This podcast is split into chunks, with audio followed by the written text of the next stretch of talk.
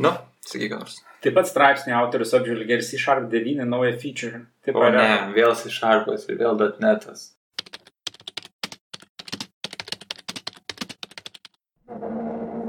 Sveiki, su jumis Mantas Marcinkus ir Donatas Kimanis. ir jūs klausotės mūsų podkasto IT taburetė. Ir šiandien mes apžvelgsime rugsėjo mėnesio naujienas e, iš IT pasaulio. Naujienų turime ganėtinai nemažai, Aha. dėl to pradedame nuo tokios pusiau naujienos, pusiau taisyklės, kurią radome programavimo subreddite ir jinai vadinasi Kerningano e, taisyklė ir skamba taip. E, debuginimas yra dvigubai sunkiau negu kodo rašymas e, overall. Dėl to, jeigu mes bandysime parašyti tokį kodą, kur jau prie mūsų galimybių ribų yra, nu, kad Aha. labai sudėtinga ir labai jo, Mhm. tai by definition mes negalėsim to kodo debuginti, nes jau nebesuprasim jo. Na, nu, Mm. jeigu tai tikėsim šitą taisyklę. Tai, tai čia toks tiesiog gal e, galite tikė- tikėti tuo, galite ne, e, bet iš esmės skatina rašyti kuo paprastesnį kodą ir nesistengti overinžinierinti, kas e, šiaip yra labai smagu kaip programuotojai, nes nu, gauni pasirodyti savo žinias ir, ir šiaip prirašyti daug kodo. Nes iš esmės vėliau tai gali tiesiog kainuoti labai daug laiko, bandant arba kažką ekstendinti, arba, arba tą patį debuginimą darant. Mm. Kita naujiena susijusi, per, perėsim tiesiog prie visų kalbų naujienų dabar. E, ir pirma naujiena yra tai, kad e, gruodžio mėnesį, maždaug per, kalėdas, išeis Rubio trečia versija. Tai man įdomu, kad aš dabar šiuo metu programuoju daugiau su Rubio nei su bet kuo kitu, jeigu šitą programuoju.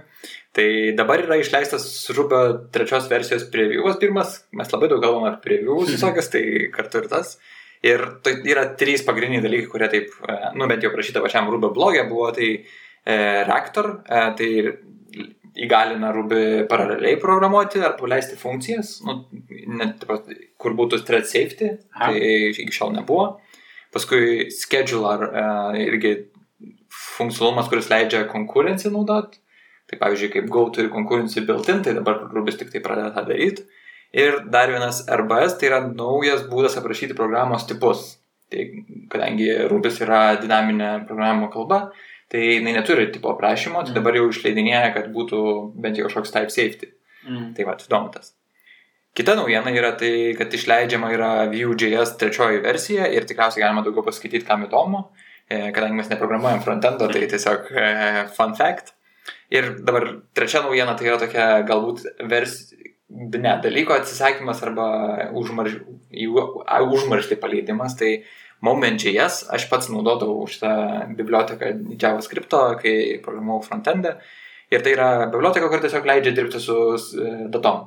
Mm. Ir iš tikrųjų gan sudėtinga, kai tu esi client side, nuspręsti kokio, kokioj laiko juostai, tai viskas yra ir Moment.js tos dalykus darydavo. Bet kadangi jis buvo labai didelis kaip aparatas, kuris su visai, viso, visų laikų galėjo dirbti, tai žmonės pastebėjo, kad tai nėra efektyvu ir tiesiog galų galę net ir patys Moment.js kuriejai pasakė, kad viskas, e, taisysim tik security patchus ir daugiau nieko nebedarysim. Mm. Ir net pasiūlė, kur nusikreipti, ką naudoti, nu, tipo, rekomenduoja naudoti, tai Luxon arba Dage.js bibliotekas. Pas draugus. Tai pas draugas. Taip, ir visus šitus metus iš tikrųjų kalbam apie .NET 5, Entity Framework Core 5 previewus ir šiandien Aš dabar galvoju šiaip, ar kai išleis Entity Frameworką ir .NET 5, tai kas tada bus, apie ką mes kalbėsim. Oi, tai turbūt vis tiek, jeigu prodo bugų ar kažkokių versijų, tai, tai bus, turbūt iš karto gal pradeda dirbti prie šeštos versijos. Turbūt. Ne? Reikėtų. Arba prie naujų. Vis tiek metus dirbs. Yeah. Na, Tai va, ir pagaliau atėjo ta diena, kai išleido Release Candidate 1, tai pirmąją versiją, kuri bus paruošta jau release'ui ir e, tai yra pirma iš dviejų, ant dviejų versijų, nes bus dar viena.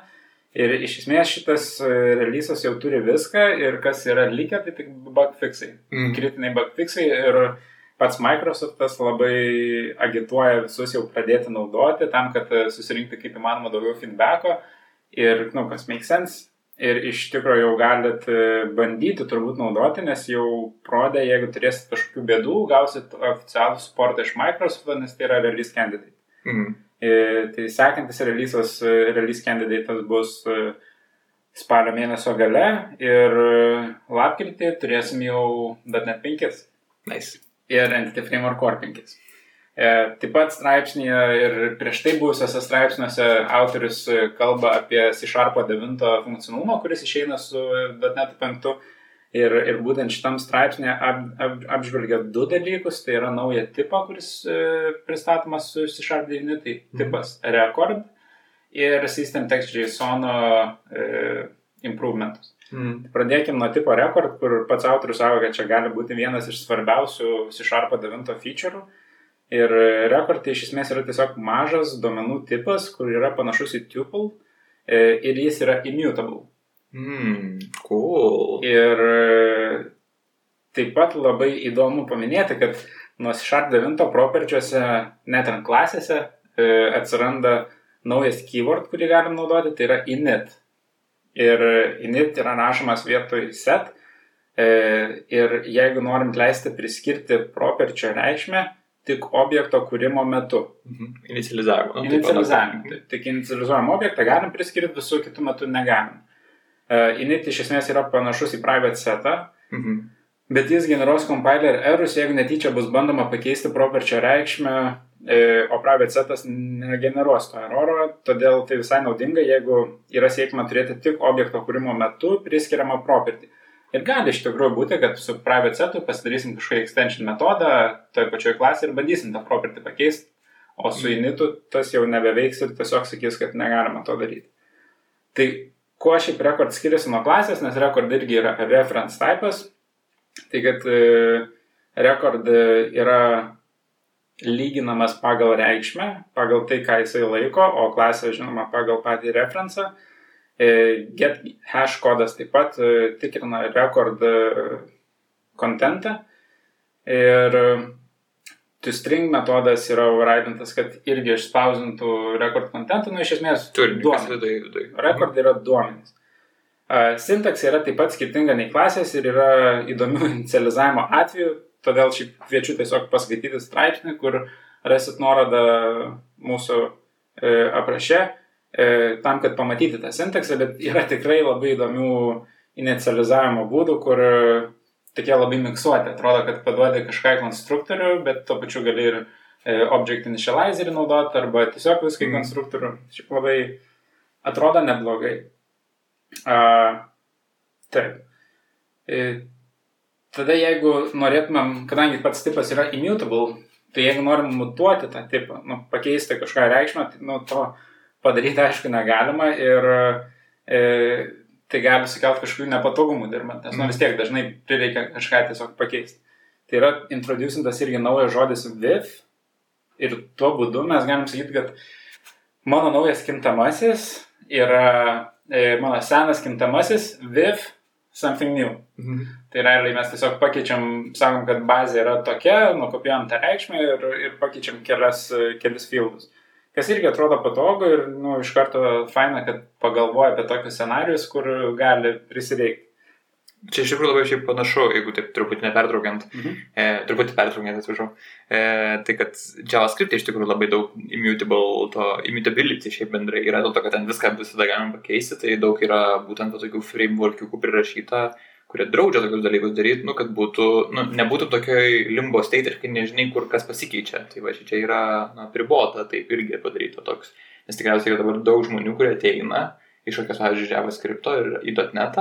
E, nu, ir, pavyzdžiui, jiems yra keista, kad tu gali kažkurioje vietoje tiesiog pasikeisti. Jeigu ten paduoti objektą į kokį nors funkciją ir grįžti ir tu nelabai supranti, ar ten galėjo nu, tavo originalus objektas pasikeisti ar ne. Nes šiaip noras būtų funkcijoje, kad būtų jinai pure, nu, ne, mm. tai gražinti kažkokį nepa, nepakitusi variantą, vieną turėti savo ir kitą naują, kuris atsiranda. Mm. Bet čia, tos atrodo, kad pridempinėja prie gerų iš tikrųjų idėjų. Sorry, per to. Tai nieko baisaus. Iš esmės tiek apie rekordą ir yra, jis aišku palaiko ir visus kitus reference tipo privalumus kaip inheritance. Ir kažkur komentaruose užmačiau, kad rekordas abstract turbūt bus sharp 10. Mm. Tai va, taip pat autorius, e, kaip ir minėjau, rašė apie System Text JSON serializer ir jo improvementus, bet būtent apie jį jau esame kalbėję, tai labai nesiplečiant galima pasakyti, kad, nu, Microsoftas stengiasi dirbti prie jo ir net patys rašo, kad, sako, mums labai svarbu padaryti kaip įmanoma patogesnį transitioną žmonėms nuo Newtons of JSON, nes, nu, jie patys supranta, kad visi prie šito library yra įpratę. Ir, ir pavyzdžiui, dabar jau galima serializuoti dictionary su non-string raktu, ko anksčiau buvo negalima daryti ir reikėjo rašyti kažkokius custom serializerius. Mm. Na, ir which is not fun.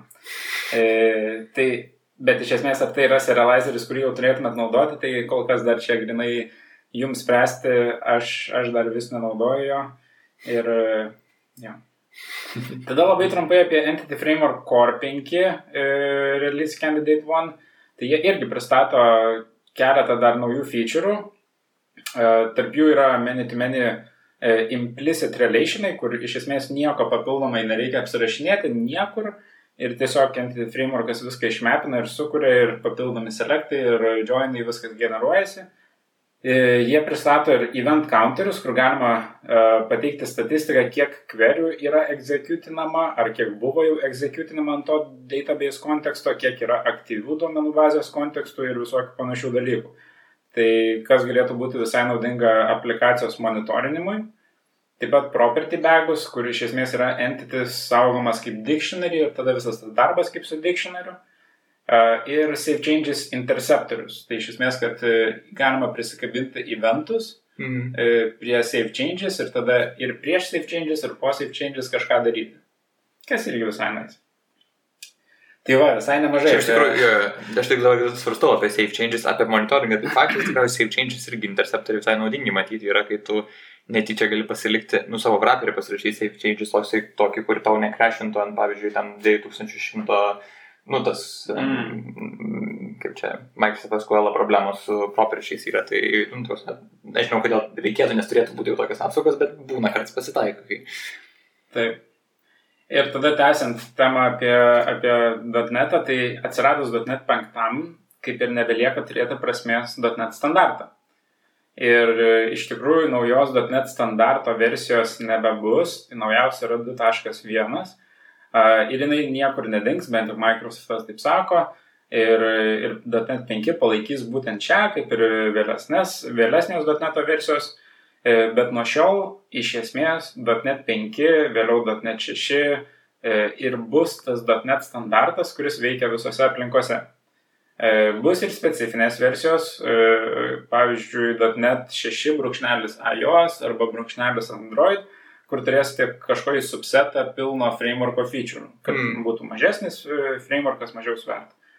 E, bet, pavyzdžiui, norint gauti naujausią C Sharp kalbos versiją, vis tiek reikės naudoti .NET 5. Mm. Su .NET standartu negausim to. Praeitą kartą kalbėjom nemažai apie .NET 5 naują funkcionuotą, tą trimmingą, mhm. tam, kad aplikacija svertų kaip įmanoma mažiau ir ir minėjom apie galimus pavojus, kad e, gali iškirpti ir per daug to kodą, negu, negu reikėtų. Tai, tai dabar .NET komanda išleido straipsnį, kad iš esmės tas trimingas gali būti customizable, tai galima užsidėti įvairius atributus, galima e, pasižymėti e, tas vietas, kuriuose vyksta reflectionas ir nurodyti specialius DLLus, kurie bus tik, nu, kurie turi tikimybę būti invaukinti ir tada jie bus tiesiog neištriminami. Nice. Tai čia irgi tokia mini pagalba.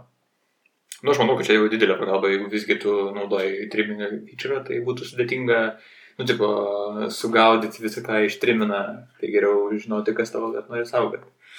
Taip, toliau tęsiant e, Microsoft temą, tai su Visual Studio 16.8 preview 2 E, galima savo sukurtus template'us matyti ir naujo projekto kūrimo lange, o ne tik per CLI. Tai šitas dalykas iš tikrųjų yra labai įdomus, nes mes darbė irgi turim susikūrę savo template'ą mhm. ir norint tada susikurti naują projektą, visada reikia eiti per CLI. E, o dabar tiesiog bus galima spausti New Project ir susirasti savo template'ą, kurį užsivadini kaip tu nori ir tau viską Visual Studio sugeneruoja. Tai kadangi čia yra preview e, versija, tai kad enablinti šitą reikia eiti per tools, options ir, ir susirasti e, nustatymą pavadinimą show all.net core templates in the new project dialog. E, ir, ir, ir ką, ką Michaelas sako, kad jokauja, kad we are awesome at naming. Tai, na, nu, ką reiškia tą ir pasakė. Tęsiant toliau e, Microsoft ir, ir Visual Studio naujienas. Tai yra toks dalykas kaip VSL2, Windows Subsystem for Linux. Ir e, iš esmės, jeigu tu esi žmogus, kuris dirba su Windows'ais, bet e, deployina aplikacijas į Linux'us, tai ką tai leidžia? Tai leidžia tau turėti subsistemą savo operacinį sistemai, kuri būtų Linux ir tu galėtum ten testuoti. Mhm. E, viskas yra labai faina, bet jeigu nori pasidebuginti, to negali padaryti. Ir e, Nathanas Carlsonas sukūrė tokį extensioną, kuris leidžia į Visual Studio įsirašyti jį ir, ir tada leidžia pasileisti debug metu e, savo programą būtent tame e, Linuxų mhm. sistemoje, toje yes. Linuxų sistemoje. Tai, tai aišku, ką reikia padaryti, tai parsisiųsti patį VSL, VSL2, reikia parsisiųsti ir Linuxų distributioną, kurį norit, ir patį extensioną. Tai mhm. Tai nuorodą rasit e, aprašė, jeigu kažkas domina iš šitos temos. Dabar biškiai apie GitHubą, turbūt e, irgi Microsoft dalis yra, tai e, GitHubas išleido savo Command Line Interface arba CLI ir iš tikrųjų visai žiūrinėjau ir man visai patiko. Nu, aš kadangi žmogus esu per terminalą mėgstantis dalyk, daryti dalykus. Iš principo tai yra, ką mes šiaip dažnai naudojam terminalę su kitu, su, tai atrodo, kad GitHubą liktais naudoja, bet mm. ten tiesiog Gitą naudoja. Bet dabar galime padaryti tokius dalykus, kaip atsidaryti visus iššūkius, pavyzdžiui, per interfejsą E, tada sukurti PR, reviewinti mažesnius žodžius. Aha, galime net reviewinti, kas įdomu yra. Nežinau, kaip tai, tai pilnai veikia, jeigu tu normalų norėtum review, bet jeigu kažką labai trumpo, pavyzdžiui, ten readme kažką ten labai greit patvirtinti, tai nėra kas veikti. Um, tai va, tai paskui, pavyzdžiui, pasižiūrėti, ar visi čia kaip praeina, ten Jenkinso buildai ar dar kažkas tai integracijos kažkokias ką patikrina arba E, coding standartą, kad atliktų ir panašiai, tai bet tokius dalykus gali pasižiūrėti. Plus gali aliasų prisirašyti, kad paranintų tam tikrus dalykus, nes tu gali kontroliuoti, kad ranintų, pavyzdžiui, tos e, testus paranintų arba kažką, tai tu gali pasirašyti savo kažkokį pipeline iš savo komandinės eilutės GitHub ir valdyti jį. Tai mhm. visai faina, šiaip man pasirodė, tai labai gražu. Nu, tiesiog, e, gal ką nors ir panaudosiu šiaip. E, tada kitas tikriausiai GitHubas e, padarė savo saugumo spragų ieškiklį arba skenerį atvirai prieinamą e, visiems, tai kodą padarė open, open source. Mhm. Tai smagu yra tai, kad jie ranina iš, tikrųjų per 40-50 tūkstančių projektų, labai daug spragų rado visokių ir siūlė, e, nu, dar darydavo pull requestus ir siūlė žmonėms pasitvarkyti savo kodą. Tai man labai patiko šitą naujieną ir šiaip fainai skamba, kad jie va, tokius dalykus daro. Tai čia labai didelis pokytis ir labai daug naujienų nuo tada, kai pradėjom kalbėti apie tai, kad Microsoft įsigijo. Aha. Tai toksai matos, kad tikrai rūpi, ką daro. Nu, tai aišku, tikriausiai daug visokių skirtingų nuomonių yra, bet man tai patinka. Tai.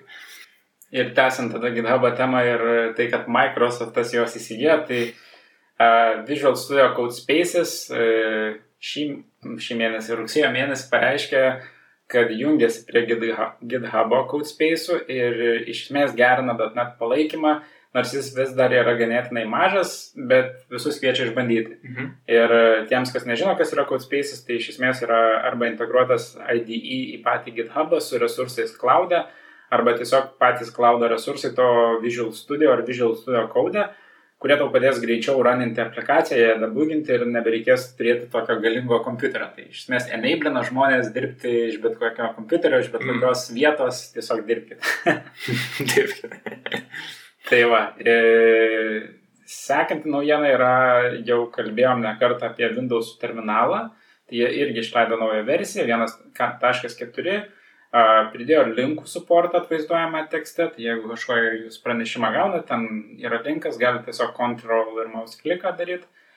Pridėjo link grafikos suportą ir, ir daug bugfixų, mhm. tai bugfixų nevardinsiu, bet iš esmės e, jau artėja turbūt irgi prie, prie finalinės versijos. Ir išėjo nauja Windows Package Manager preview versija, kuri yra ilgų pavadinimų ir jos neskaitysiu Tai kuo patys autoriai Windows Package Managerio džiaugiasi, tai kad per šešis mėnesius e, nuo pirmo preview pas, paskelbimo atsirado jau 6000 package'ų, kuriuos galima parsisiųsti naudojant, naudojant Aha. Package Managerį. Cool. Ir viso tai iš esmės yra community dėka, nes jie įkėlė ten kelis tik tai bazinius dalykus.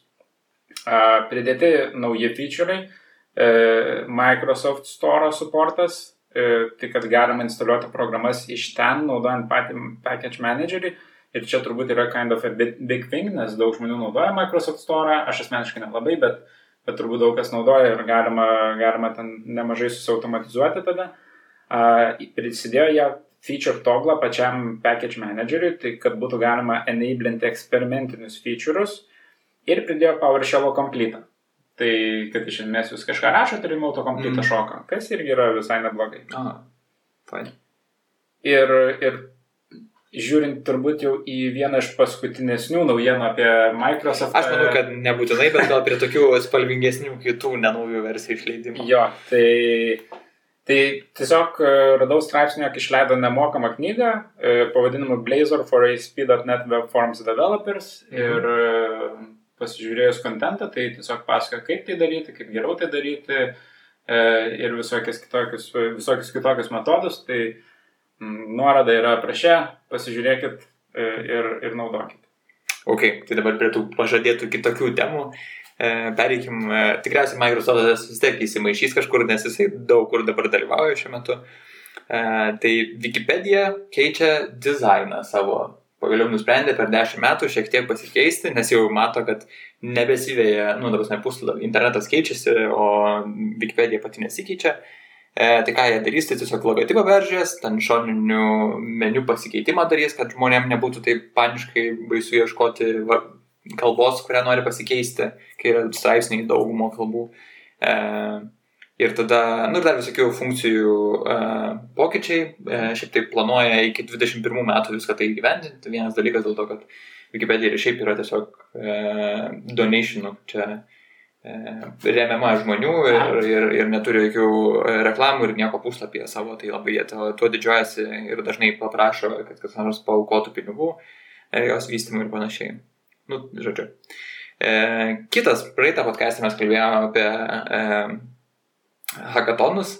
Tai prasidėjo vienas hackathonas, kurį mes minėjom, tai Hacktoberfest. E, jisai yra organizuojamas Digital Ocean ir, žodžiu, esmė yra ta, kad e, ten per, dabar galvoju, per mėnesį žmonės gali e, paremti atviro kodo repozitorijas, tai reiškia, nu, parašyti kažkokį nu, kodą, patobulinti ir panašiai. A. Ir DigitalOcean remia vat, vat, tokius vat, kontributorius ir, tiksliau, padaunotų marškinėlius už bent vieną, su, marškinėlius už bent vieną sumenžintą pull requestą. Nu, žodžiu. Ir atsitiko taip, kad labai greitai atsirado labai labai labai daug pull requestų, kurie daro tik tai update'us rytmį, pavyzdžiui. Ir daugiau nieko. Ir tada buvo pradėję žmonės aiškintis, kodėl čia taip atsitiko, kad labai labai daug nu, pull requestų, kurie nieko nedaro ir tik tai mailus siuntinėja tiems maintaineriams arba savininkams, nu tie, kurie prižiūri tą atvirą kodą daugiausiai. Tai pasirodo, kad YouTuberis Code with Harry padarė tutorialą, kaip gauti marškinėlius per Hacktober festą. Nu, ir jis tiesiog kaip pavyzdį parodė, kaip reikia atidaryti pull request ir ten tiesiog readme file pakeisti, kad this is an amazing, amazing project. Ir viskas. Ir jis turėjo virš 680 tūkstančių subscriberių, kurie tą ir pradėjo daryti. Ėjo tiesiog į atviro kodo repozitorijas ir pradėjo kurti tokius pull requestus. Ir tada jisai ten parašė, kabutėse, atsiprašymą laišką, kur ten tiesiog e, aiškino, kad aš niekur nesakiau, kad taip reikia daryti. Ir panašiai, nu toksai, mm. tipo, don't blame me e, variantas. Aš tik spragą parodžiau. Jo, jo. Mm. E, ir tada, nu, ir tada visi galvoja, nu, aha, nu, negali būti taip. Ir tiesiog nuėjo į tą repozitoriją, kur jisai ten ant jos rodė ir ten yra parodyta, kad ten puslapiai, puslapiai, tų puldrakasi tokio daryto, kuris identiškai pasakė, kaip reikia daryti. Tai va.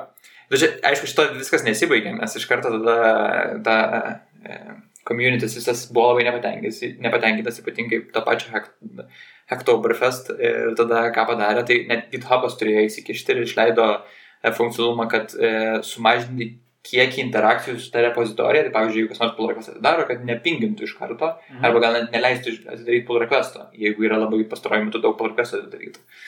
Tai, o tada DigitalOceanas pats paskelbė, kad gaus marškinėlius e, tie žmonės, žmonės, kurie iš tikrųjų kažkokią prasmingą padarys ir tik tai tose repozitorijuose, kurios nori dalyvauti tame.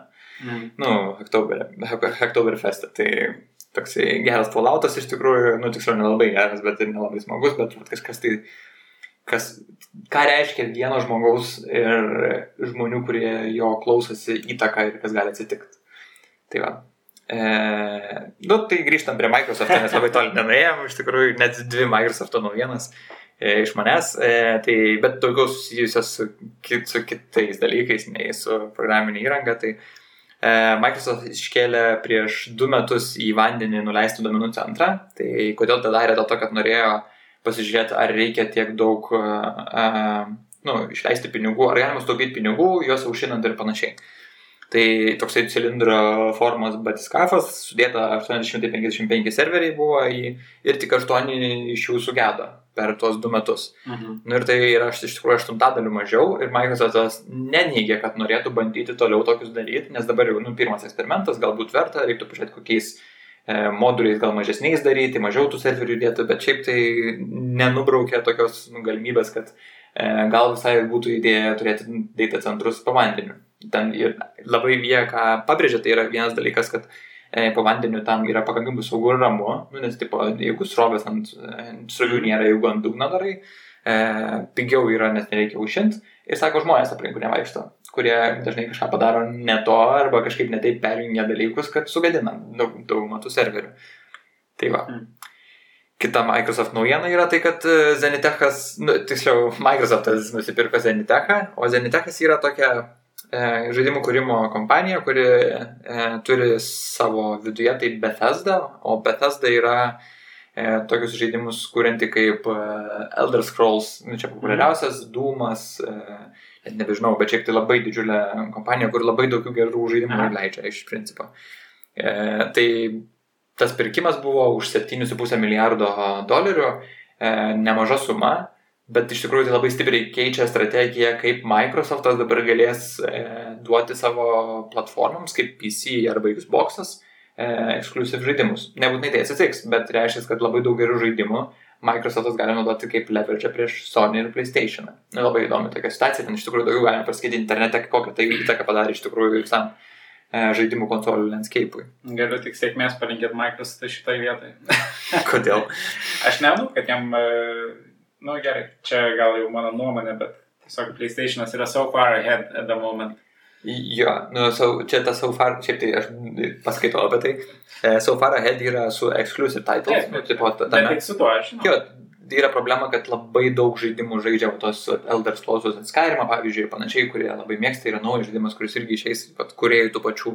Ir čia gali būti, kad vat, naudos kaip nu, tokia... Nu, kaip tipo, nu. Jo, kad žiūrėkit, jeigu jūs nedarysit žaidimų pas mus, tai mes ir nedarysim žaidimus pas jūs, nu pat tiesiog. Mm.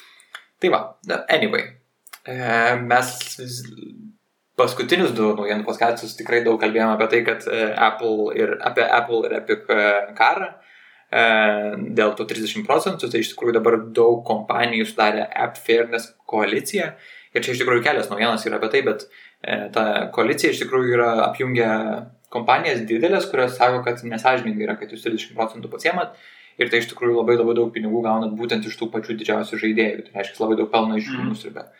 Kai tu tarp paprastai, e, nu, ten gaunasi, kad e, tik 5 procentai tų visų didžiųjų pajamų yra iš tų mažųjų developerių. Nu, tai prisidengia, kad gina liktais, nu, nes tiesiog. Ir ten paskaičiuota yra, kad maždaug per metus e, Apple uždirba apie 15 milijardų, man atrodo, dolerių vien iš to, tiesiog iš mm. niekur, realiai tiesiog apstorą turėdami. E, nu, ir ten jų argumentavimas yra vėlgi, kad visiems būtų lygios teisės, kad galėtų mažesni, nu, tipo, gauti daugiau pajamų, kad galėtų aukti ir panašiai. E, nu, mes, aš čia pats nelendu į šitą ginčą, nes man atrodo, kad e, Apple investuoja į savo hardvarą, iš tikrųjų jie turi teisę turėti, ką tik nori, nes operacinė sistema jų ir panašiai. Čia verslas. Na nu, taip, čia ger, ger, geras visiems nebus, turbūt. Jo. E, bet aišku, pridėkime ir tai, kad dabar ir Google nusprendė daryti tą patį, tai reiškia 30 procentų ir griežtai tą daryti. E, prieš tai jie išleido vieną naujieną įdomi yra tai, kad e, Google visgi leis parsisiųsti iš Google Play Store kitus va tokius App Store'us, bet dabar jau, nu taip pat tiesiog leis tokią antrą App Store, pavyzdžiui, Samsung App Store gali parsisiųsti, kai Samsungai turi savo App Store bet vis tiek pasinaudoja Google mm. App Store ir panašiai. Taip, bet esmė yra tai, kad jie dabar leido tai daryti, bet nuo kitų metų 30 procentų griežtai ims ir taip pat darys. Bet sakė, kad buvo parašyta bent jau straipsniuose, kad 97 procentai ir taip jau sąžininkai duoda tos 30 procentų. Mm. Tai va, e, gerai, tai tęsiant dabar daugiau apie Facebooką ir e, tai iš tikrųjų jie irgi pradeda šokti tą traukinį, kad reikia paprieštarauti visom kitom kompanijom, nu tiksliau, Apple'ui kartu su visom kitom kompanijom, bet dėl savo priežasčių. Tai Apple, tiksliau, Facebookas labai nori, kad Apple leistų pasirinkti savo defaultinį messengerį arba kažkokią messaging app. Mm -hmm. Dėl to, kad sako, kad vartotojai turėtų teisę rinktis. Kai dabar visai neseniai leido kažkuriam naujam įrenginiui arba, nežinau, kurioje jos versijoje pasirinkti defaultinį savo browserį, pasikeisti mm. iš, e, iš Safari į, į Chrome, galima kažką tai jo. Ir dabar sako, kad žiūrėkit, jeigu leidžiat šitą, tai turėtumėt leisti ir visą kitą pasikeisti. Aišku, Apple tai nieko neatsako, nes nu, visgi tai ant jų pasakyta yra, nu, tos iMessages iš tikrųjų tai įtraukia labai stipriai žmonės į tą platformą, nu, iOS. Taip, jeigu pasiklausyti, tai dažnai net žmonės sako, kad tiesiog ta Apple ekosistema yra tas dalykas, kodėl jie ir yra Apple. Yeah. Čia manau, kad galėtų būti visai didelis smūgis, nes uh, naršyklė yra vienas dalykas, bet uh, video callsai, kuriuos daro ir, ir messagingas, jeigu introducina messengerį kaip galima pasirinkimą, tai tada nebelieka. Kurį ant bet kurios platformos realiai gali daryti, bet kuriam, nu, tipo, nesvarbu. Šiaip jo nėra, bet, nu. Yeah. Tai, va, tai ir tuo pačiu dar viena naujiena su tuo pačiu messengingu, messengingu su žinučių siuntimu ir panašiai. E, Facebookas sujunginėja savo visas žinučių platformas, tai jie turi Messengerį, Instagramą ir WhatsAppą į vieną. Tai viskas bus tikriausiai skirtingose platformose, bet iš tikrųjų tai kartu žinutės galės gauti ir iš Instagramo, iš WhatsApp ir panašiai. Mhm. Tai this is news. E, na ir tęsint dar paskutinės Microsoft naujieną, galbūt paskutinę, net nežinau. Ne tai paskutinę. Ja. E, Microsoft pasitraukė iš TikToko pirkimo, e, kol kas Oracle laimi šią kovą ir nu, turėtų būti va, ta dalis, kuri nusipirks apie 20 procentų dabar kalbama ant TikToko dalies. E, ir dėl to turės savo būsinę atkrausyti TikTokas į Junktinės Amerikos valstijas. Aha bet dabar iš karto labai aiškiai kalbama yra tai, kad Trumpas nebeskelbia ir nebesako, kad užbaninsim ir panašiai. Teismai nukelinėja datą, kada turėtų būti užbaninta. Kiekvieną savaitę, sekmadieniais būna tas momentas, kai teisėjas sako viskas vėliau, viskas vėliau, viskas vėliau. Tai kol kas sako, kad dabar, kol rinkimai vyksta, tol nelabai Na, bus kažkokio veiksmo. Na ir kol serga žmogus dar. Ja, taip, taip, taip. Jo, ar naudoji man tai TikTok? E, ne, aš per senas jau. Aš irgi taip galvojau, bet ten, man atrodo, jie turi visai protingą algoritmą, kad kai tu praskrolini video, kuris tau yra neįdomus, ir pažiūri video, kuris tau yra įdomus, tai paskui pradeda daugiau vat, tokio būtent kontento nu, rodyti. Tiek, kad šių video prisižiūri dabar. tai čia yra didelė problema, man bent jau mano nuomonė, nes aš Aš ant Facebook'o tą pačią problemą turiu, aš priskolinu prie video, kuris yra kažkoks tai, žinau, padaryk pats savo rankomis ir ten stato namą. Ir paskui tu visą laiką matai namus. Tai tas mane labai erzina šiaip. Aišku, labai įdomu iš pradžių, bet paskui atsibosta labai greitai. Atsibosta, ja. bet, bet visai fun. Yra ir įdomaus kontento kartais. Tai va, tada ne, nebesakys, kad paskutinė Microsoft naujiena, nes turbūt taip dar ir nėra, bet Windows XP ir Windows Server 2003 metų kodo dalys buvo paviešintos internete. Iš esmės nulykino kažkas tiesiog kodo gabaliukų. Ir tai yra pirmas kartas, kai paviešinamas šios operacinės sistemos kodas, bet ne pirmas kartas, kai šiaip tiesiog Microsoft e, prasileidžia su to. Tai buvo viešinama ir Windows 10 kodo, ir Xbox kodo.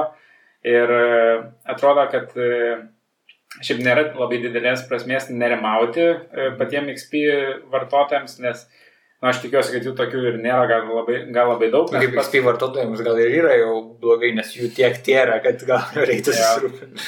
Nes pats sportas ten baigėsi jau 2014 metais iš Microsoft šitai operaciniai sistemai, bet vienas iš Windows ekspertų jau rado, kad nulykintoje informacija yra NetMeeting userio pagrindinio root sertifikato raktas. Nežinau, kas tai yra NetMeeting useris bet skamba ganėtinai rimtai, nes, nu, jeigu randa sertifikato raktus, ten turbūt gali padaryti įdomių dalykų. Uh, tai šiaip manau, kad Microsoftas šiek tiek gal ir prakaituoja dėl to, o ir žmonėm, kurie vis dar naudoja, arba organizacijom, kurios vis dar naudoja XP, mm turbūt yra pats laikas pasikeisti šitą operacinę sistemą, nes, na, nu, kuo toliau, manau, kad e, gali situacija dar ir pablogėti šiek tiek. Mes visai neseniai kalbėjome apie tai, kad e, tikriausiai, kad e, dar XP, aš esu, pavyzdžiui, pats matęs ant bankomato atėjus ir ten būna XP, nu, taip pat, kas yra labai keista. Aš neminėsiu, kur aš esu matęs, bet esu matęs tam tikrose organizacijose, kur nesitikėčiau to matyti, tai jeigu kas nors iš tos organizacijos klauso, tai pasikeiskit. Tai va, ir su to nulykinimu buvo nulykintas ir Windows Media Playerio kodas. Mm. Tai visi turbūt žinom ten Windows Media Playerį, tokį amazing dalyką, kur yra Windowsas. Ir iš esmės programuotojai ten e, yra irgi žmonės ir kodo, berašydami kodą prirašo ir komentarų ir tie komentarai kai kurie yra jokingi. Tai, tai turbūt e, nuorodą vėl rasit e, aprašymą, bet vienas iš tų komentarų, kuris man asmeniškai buvo jokingiausias, tai kad jeigu dar pridėsite čia panašaus baisumo kodo e, šitoje ar bet kokioje kitoje aplikacijoje, e, net jeigu yra mažiausias šansas pasaulyje, kad šitas visiškai nesuvokiamas ir nesuprantamas kodas kam nors bus nesuprantamas taip pat kaip ir jums patiems, tada prašau, prašau, prašau, pridėkit fucking komentarą. tai, tai va, tai iš, iš tikrųjų, šiaip kodo komentarų galima pasigūglinti ir rasti tikrai labai įdomių ir, ir juokingų. Uh, taip, ir tada perinant prie kitos naujienos, yra ir juokinga, ir liūdna tuo pačiu, tai vieno package'o GitHub savininkas yra iš Izraelio ir žmogus iš Irano padarė tam package'ui pull requestą ištaisydamas vieną bugą.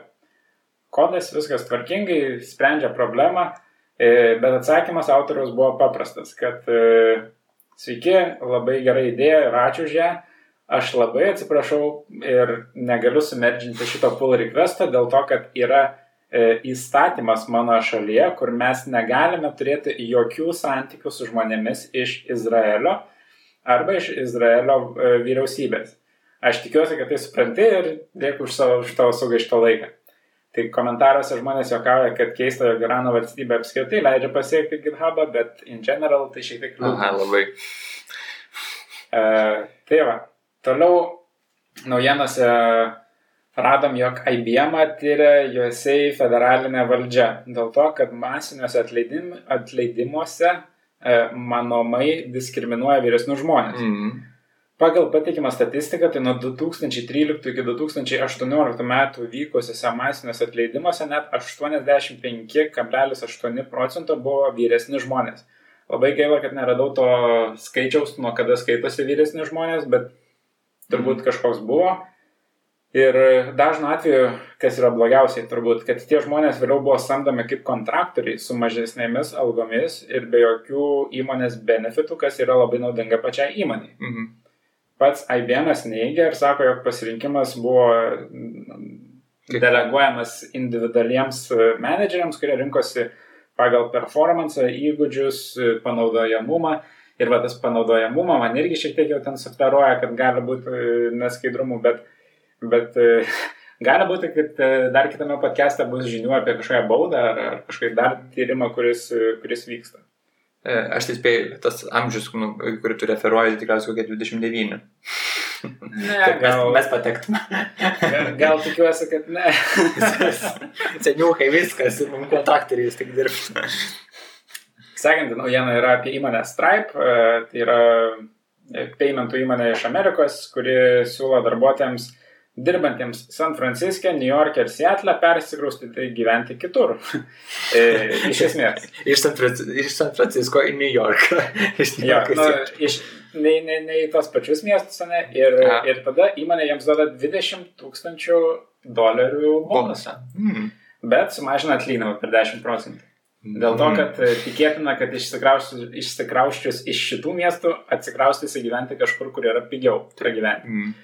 Ir e, taip iš esmės jie stengiasi atsisakyti ofisų didžiuosiuose miestuose, kur, kuriuos yra labai brangu išlaikyti ir taip paštrėjo turbūt karantino metu, kad tiesiog yra išnuomoti ofisai, pinigai yra mokami, o ofise nieko nėra. Ofise nieko nėra. Ir e, įdomu, kad kitos didelės įmonės kaip Facebook arba ServiceNow taip pat e, svarsto panašias galimybės ir gali būti, kad kažką išgirsime ir iš jų. Dar viena naujiena yra apie Apple, kuri pradeda naudoti Rust programavimo kalbą visiems low-level darbams. Hmm. Ir visas naujas programavimas turėtų būti tik ant Rusto, o seną codebase ilgainiui taip pat nori perrašyti. Buvo labai, buvo labai tiesiog trumpa Twitterio e, žinutė, kuri vat, panašią žinutę ir iškomunikavo, kurią dabar pasakiau, bet tai tikrai įdomu. Šiaip tai įdomu, nes, nu, tipo, C, o visos C kalbos, tai nebe. Sunkiau surasti, gal rastas labiau tokia. Jo, aš irgi manau, kad čia yra pagrindinė priežastis. Ir, ir tada radau vėlgi programavimo subreddite labai daug laikų surinkusi mm. rugsėjo mėnesį postą apie labai seną Stack Overflow, overflow klausimą, ir dabar jau pereinam prie Stack Overflow klausimų tuomet. Tai šis klausimas yra prieš 8 metus už, užduotas, e, bet turi 7745 laikus. Tai kodėl HTML galvoja, kad check noris yra spalva? Mm. Ir, ir tiesiog pavyzdys duotas, kad nurodo BG color, background color, check noris. Ir, ir tokia spalva yra raudona. Tai atsakymas taip pat turi virš 7000 laikų ir yra e, paaiškinimas, kad čia yra holdoveris iš Netscape dienų, kur iš esmės visus nelegalius e, ženklus traktuodavo kaip nuliukus. Mm. Ir, ir tada Check Norris išsišifruoja į RGB raudoną spalvą. Jeigu prašai Check Norris E, be vienos S gale, tai gauni kitokią jau spalvą, jeigu parašytum man tas marcinkus, turbūt gautum dar kitokį. Tai, tai šitas visai yra įdomu. Ir tada šio mėnesio du populiariausi klausimai iš tikrųjų yra, e, pirmas skamba taip, kodėl tuščias else if statementas yra blogas kodavimo stilius ir kod, kaip aš tai turėčiau perrašyti. Ir žmogus tiesiog turi tada e, if ir else if statementų chainą. Mhm. Ir e, po pirmo ifo jisai atlieka kažkokią funkciją, po antro ifo netlieka nieko, po trečio atlieka ir po ketvirto else jau tiesiog irgi atlieka. Ir matyt, e, per pull requestą gavo velnių, kad e, negerai. Mhm. Ir atsakymas yra, kad tai turbūt nėra blogas stilius, nes tu tiesiog labai aiškiai indikuoji, kad nu, šitas statementas nieko ir nedaro, gal ateityje reikės, kad darytų. Bet vienintelis pasiūlymas buvo, kad galbūt introducing curly bracketus, nes tiesiog kabletaškis gale labai gali pasimesti ir būti confusing, mm. gali galvoti, kad tie if, else if statementai yra kažkaip sujungti ir tada mažiau patyręs programuotojas gali kažką, kažką ne to pagalvoti. Aš suprantu, matau raciją, kodėl reikėtų daryti, nu, tipo tokius dalykus. Ja. Bet... Ir, ir dar vienas klausimas yra apie išsišarpą. Tai ar sišarpas E, darydamas short circuit evaluation e, su aveitu e, evaluatina tik tai pirmą narį. Mhm. Tai short circuit evaluationas yra, kai turim loginę operaciją ir turim du operandus, kuriuos norim patikrinti, kurie gali gražinti arba true arba false ir turim, tarkim, condition and end condition. Tai tas dvigubas end end yra short circuitas. Ir jeigu tai yra paprastas e, statementas, tai viska, viskas labai aišku. Jeigu pirmas e, conditionas gražina false, antro net nebeina tikrinti. Bet ką, jeigu turime statementą, kuris yra užrašytas taip. If await first check, ir tai yra kviečiama kažkokia funkcija, e, and end await second check. Ar bus kviečiama second funkcija ir kaip C Sharpas tai suhandlins. Ir labai džiaugiuosi pamatyti, kad atsakė iš tikrųjų John Skytas, kuris e, wow. Stack Overflow yra ganėtinai aktyvus. Tai jis parašė, jog e, short circuitas suveiks ir tavo kodas bus ekvivalent e, tokiam, kad tu tiesiog pirmą apsirašai kažką, kažkokį kintamą į first, lygu await first check, tada tikrini if first, einam gilin, bool second, await second check ir tikrinam second checką. Jeigu norėtumėm išvengti šito, nu, tai iš esmės čia veikia pagal short circuitą, viskas gerai. Uh, jeigu norėtumėm, kad neveiktų pagal short circuitą, o veiktų paraleliai, tai turim tada inicializuoti abu uh, procesus į, prieš ifą, paleisti juos ir aveitus uždėti ifą, taip kaip ir buvo žmogus Aha. parašęs. Tada jau jie... Kuris pirmas? Ne kuris pirmas, iš tikrųjų, jis vis tiek lauks pirmo, Ir net jeigu pirmas trunka 10 sekundžių, o antras trunka sekundę ja. ir antras gražina false, jis vis tiek lauks pirmą. Ja. Nu, dar mes short circuit vis tiek čia kaip ir žaidžia, nes kai susikompliuoja kodas, jis patampa tiesiog nestintas ifas. Aha. Ir viskas. Tai va, ir, ir iš tikrųjų yra dar tam tikrų side efektų, kad, pavyzdžiui, jeigu antras gražina exceptioną, o pirmas gražina false, tai nu, tas exceptionas prapuls. Mm. e, ir, ir dar kelius punktus John Skitas yra aprašęs. E, tai visai įdomus iš tikrųjų klausimas ir visai įdomus, e, įdomus punktai. Tai su šitu Stack Overflow klausimu ir užbaigsim. Žinom, kad ilgai užtrukom, bet Aha. e, buvo Daug. tikrai daug ir įdomių naujienų. Tikiuosi ir jums buvo įdomu. Ir e, susitiksim kitą kartą. Ačiū, kad klausėt. Iki. Ir iki.